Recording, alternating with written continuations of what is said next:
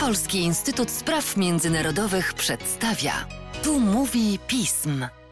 W podcaście Polskiego Instytutu Spraw Międzynarodowych witam Państwa Łukasz Jaśna. Witam Państwa serdecznie i witam równie serdecznie dawno niesłyszanego Jakuba Pieńkowskiego, naszego specjalistę od spraw rumuńskich, mołdawskich, bułgarskich i innych. Cześć Kubo. Cześć, dzień dobry. A spotykamy się dzisiaj, bo zwróciłeś moją uwagę na, na sprawę ważną. Może nie dla wszystkich, ale jednak moim zdaniem ważną w sensie obiektywnym. Już w najbliższą niedzielę, 15 listopada, nie tylko premiera The Crown na Netflixie, ale wybory w Mołdawii, druga tura wyborów prezydenckich. Kolejnych wyborów, które jednak bardzo mocno decydują o tym, co będzie się działo w tym państwie. Jak zauważyłeś, sprawa o tyle jest niezwykła, że po raz pierwszy może wygrać te wybory kandydatka w tym momencie, nie kandydat proeuropejskiej koalicji, Maja Sandu. Kubo, rozmawiamy o Mołdawii od dłuższego czasu. Jest to kraj pełen sinusoid, od proeuropejskości do prorosyjskości. Co się stało, że teraz kandydatka proeuropejska, przynajmniej deklaratywnie, może wybory prezydenckie w tym państwie wygrać? Sytuacja nie jest taka nowa. Mniej więcej połowa społeczeństwa opowiada się, jeżeli patrzymy na sondaże, za integracją z Unią Eurazjatycką, a tak naprawdę chodzi im o integrację z Rosją, a druga połowa opowiada się za integracją z Unią Europejską. Często też można odnieść wrażenie, że te same osoby, jeżeli są pytane o Unię Euroazjatycką, mówią, że tak, bardzo chętnie. Kiedy są pytane o Unię Europejską, też mówią tak, bardzo chętnie. Natomiast ta polaryzacja, podział mołdawskiego społeczeństwa na opcję prorosyjską, proeuropejską, przekłada się także na podziały polityczne. Dotychczas taką większą przewagę jednak miała opcja prorosyjska, reprezentowana przez obecnego prezydenta Igora Dodona i jego partię, której cały czas nieformalnie przewodzi Partii Socjalistów Republiki Mołdawii i także tak naprawdę obecnemu rządowi Jona Kiku. Natomiast y, opcja proeuropejska mimo wszystko była cały czas bardzo silna i to widzimy w y, pierwszej turze wyborów prezydenckich, która miała miejsce 1 listopada i trzeba przyznać, że zakończyła się ona jednak zaskakującym wynikiem, bo mimo tego, co wspomnieliśmy, że te opcje mniej więcej się równoważą, no to jednak przewodziła, przeważała dotychczas opcja prorosyjska. Natomiast w pierwszej turze 36,16% głosów zdobyła właśnie kandydatka partii Akcja i Solidarność, Maja Sandu. Ona jest byłym premierem, krótko rządziła w 2019 roku. Wcześniej była także ministrem edukacji, ma za sobą karierę w instytucjach międzynarodowych. Natomiast obecnie urzędujący prezydent Igor Dodon zdobył 32,61%. Jeżeli byśmy przełożyli to na liczby, wychodzi, że ta przewaga to jest 48 tysięcy głosów. W małym kraju, takim jak Mołdawia, gdzie jest 2 miliony 700 tysięcy mieszkańców, te 48 tysięcy to jest całkiem duża przewaga. O tym, jak się rozstrzygnie druga tura, na razie trudno wyrokować. Wszystko zależy tak naprawdę od tego, jak zachowają się wyborcy kandydatów z dalszych miejsc. A co to są za kandydaci? Trzecie miejsce w tych wyborach zajął Renato Usaty, to jest kandydat naszej partii, czyli tak naprawdę partii Renato Usatego. On zdobył 16, prawie 17% głosów, przede wszystkim w rejonach północnych, w mieście Bielce, zwanym drugą stolicą Mołdawii. To jest miasto takie bardzo prorosyjskie, w dużym stopniu także rosyjskojęzyczne. Renato Usaty tam jest burmistrzem. To jest kandydat taki dosyć populistyczny, antysystemowy. Obecnie trudno powiedzieć, żeby on był jednoznacznie kandydatem prorosyjskim, chociaż w poprzednich wyborach za takiego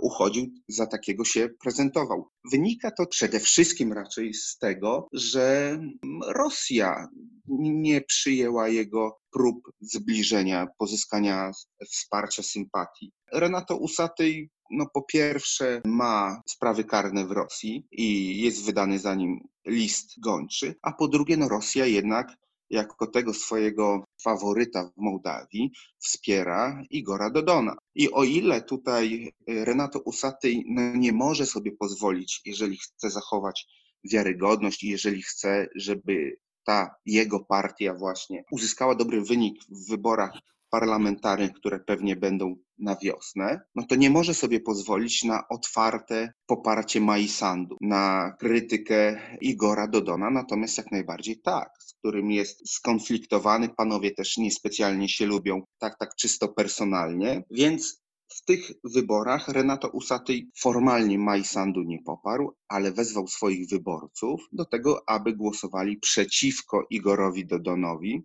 no co możemy tak naprawdę odczytać jako poparcie Majsandu. Oczywiście tutaj no kwestia, na ile taka deklaracja ma później przełożenie na decyzje wyborców. Natomiast w samych Bielcach możemy przypuszczać, że jednak znaczna część wyborców Renato Usatego pójdzie zagłosować za Igorem Dodonem.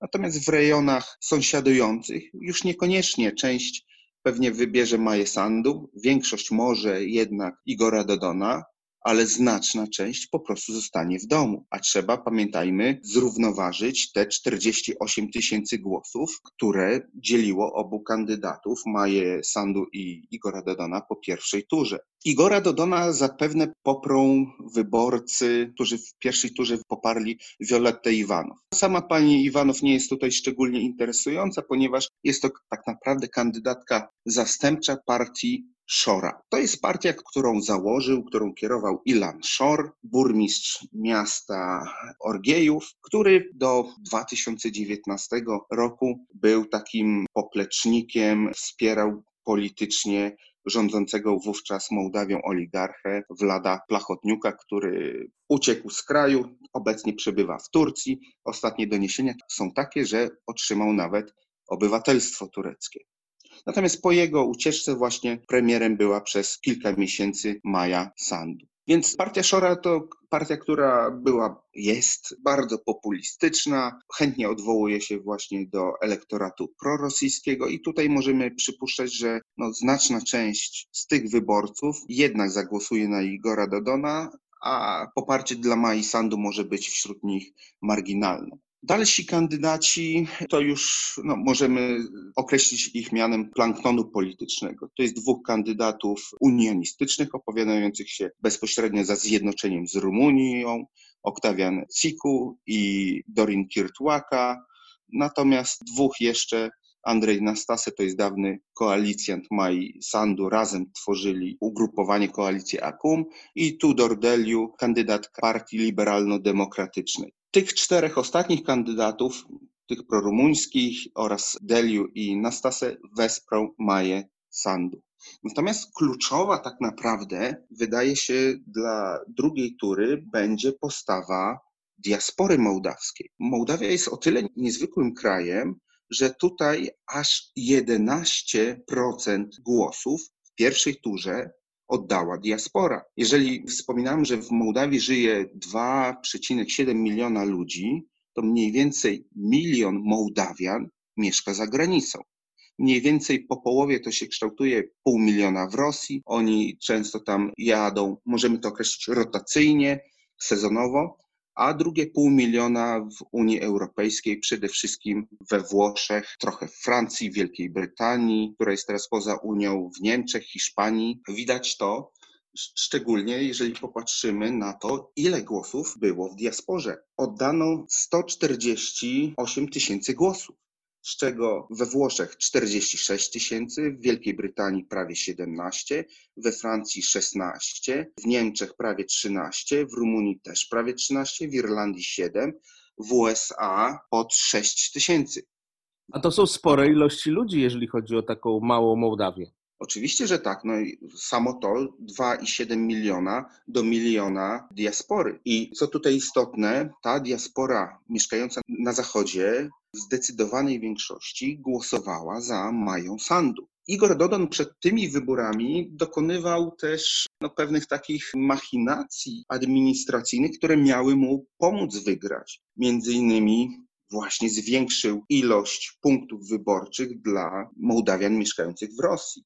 Cztery lata temu było ich osiem, tym razem było 17, ponad dwa razy więcej. Na niewiele to się zdało, bo w Rosji zagłosowało 5600 wyborców. I co z tego, że większość oczywiście tam sympatyzuje z Igorem Dodonem, natomiast no, mobilizacja tego elektoratu była znikoma.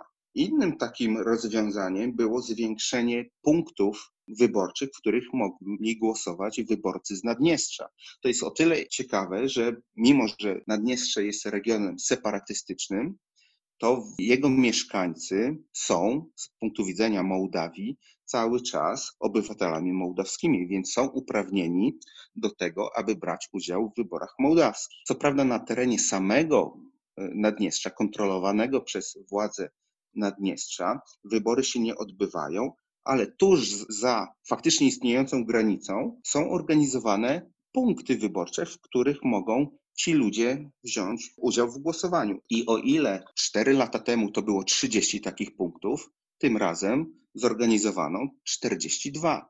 I większość wyborców z Naddniestrza popiera Igora Dodona. Tylko, że okazało się, że stosunkowo niewielu, bo około 14 tysięcy ludzi, zdecydowało się zagłosować. I też, mimo że większość oczywiście poparła Igora Dodona, to Maja Sandu uzyskała wśród wyborców z Naddniestrza aż 13% poparcia. Bardzo ciekawa sprawa. Ostatnie pytanie, Kubo, uzupełniające to wszystko, trochę rytualne, ale, ale, ale moim zdaniem ważne. Jak na to wszystko wpłynął COVID, na stosunek do władzy, do urzędującego prezydenta, do poczucia bezpieczeństwa Mołdawian? Mołdawia jest krajem europejskim, który jest jednym z najbardziej dotkniętych COVID-em. Jeżeli popatrzymy na najnowsze dane, to w Mołdawii jest 2000 ofiar śmiertelnych, a kraj jest, jeżeli byśmy porównali z Polską, 14-15 razy mniejszy. Więc mołdawska służba zdrowia jest skrajnie niewydolna. Też warto wspomnieć, że dziennie Mołdawia odnotowuje około tysiąca nowych przypadków. Natomiast Mołdawia jest w kryzysie permanentnym niemalże od początku swojego istnienia, więc obywatele mołdawscy też wiele po władzy nie oczekują. Więc są przyzwyczajeni do tego, że sytuacja jest cały czas zła. No, między innymi z tego wynika to, że w kraju, który łącznie by miał jakieś 3,5 miliona mieszkańców, to milion ludzi, przede wszystkim młodych, y, w tym najbardziej produktywnym wieku, wyjechało za granicę. I szansa, że kiedyś na stałe wrócą do Mołdawii jest nikła. Oczywiście tutaj kwestia COVID-u, także spowolnienia gospodarczego, które on spowodował w Mołdawii, bo w pierwszym półroczu mniej więcej PKB spadło o 14-15% ta sprawa była cały czas istotnym elementem kampanii wyborczej. Tutaj, no zresztą tak jak w wielu innych krajach europejskich, władza usiłuje tłumaczyć się, że robi oczywiście co może, natomiast opozycja krytykuje za brak przygotowania, przy czym tutaj Maja Sandu no, przede wszystkim atakuje rząd y, Jona Kiku, który jest jednak uważany za marionetkę Igora Dodona. Twoje prognozy bardziej w kierunku zwycięstwa pani premier, czy prezydenta Dodona?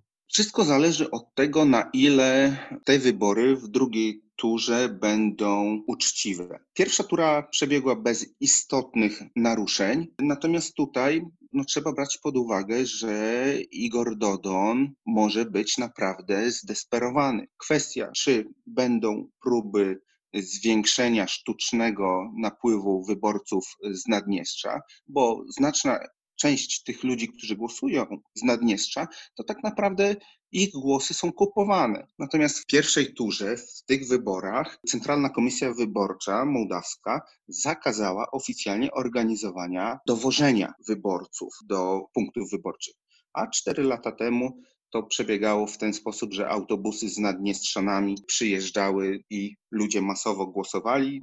Niejednokrotnie były także gorszące sceny, że później dochodziło awantur na tle rozliczeń właśnie za te kupione głosy, bo ludziom obiecano więcej, dostali mniej. Także tutaj no, możliwości mobilizacji Naddniestrzan w tej chwili są ograniczone. Zresztą, jeżeli popatrzymy na to, że różnica wyniosła 48 tysięcy głosów, a już zagłosowało 14 tysięcy Naddniestrzan, no to dodatkowych tych 48-50 tysięcy władze w tych warunkach no nie zdołają zmobilizować. Sondaże pokazują, że różnica między Mają Sandu a Igorem Dodonem w drugiej turze może być mniejsza niż 1%. Więc bardzo istotne będzie tak naprawdę to, na ile się uda Dodonowi przekonać do siebie wyborców Renato Usatego i Iwanow, a na ile ci ludzie zostaną w domu.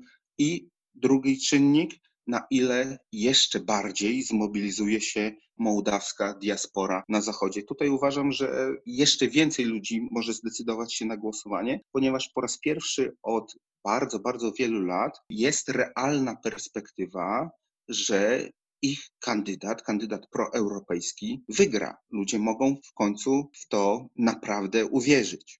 Zobaczymy, jak będzie. Myślę, że będą tam się działy naprawdę bardzo, bardzo ciekawe rzeczy. Kubo, dziękuję Ci bardzo za opowieść o Mołdawii. Myślę, że porozmawiamy już po samych wyborach. Chętnie. Do usłyszenia. Do usłyszenia.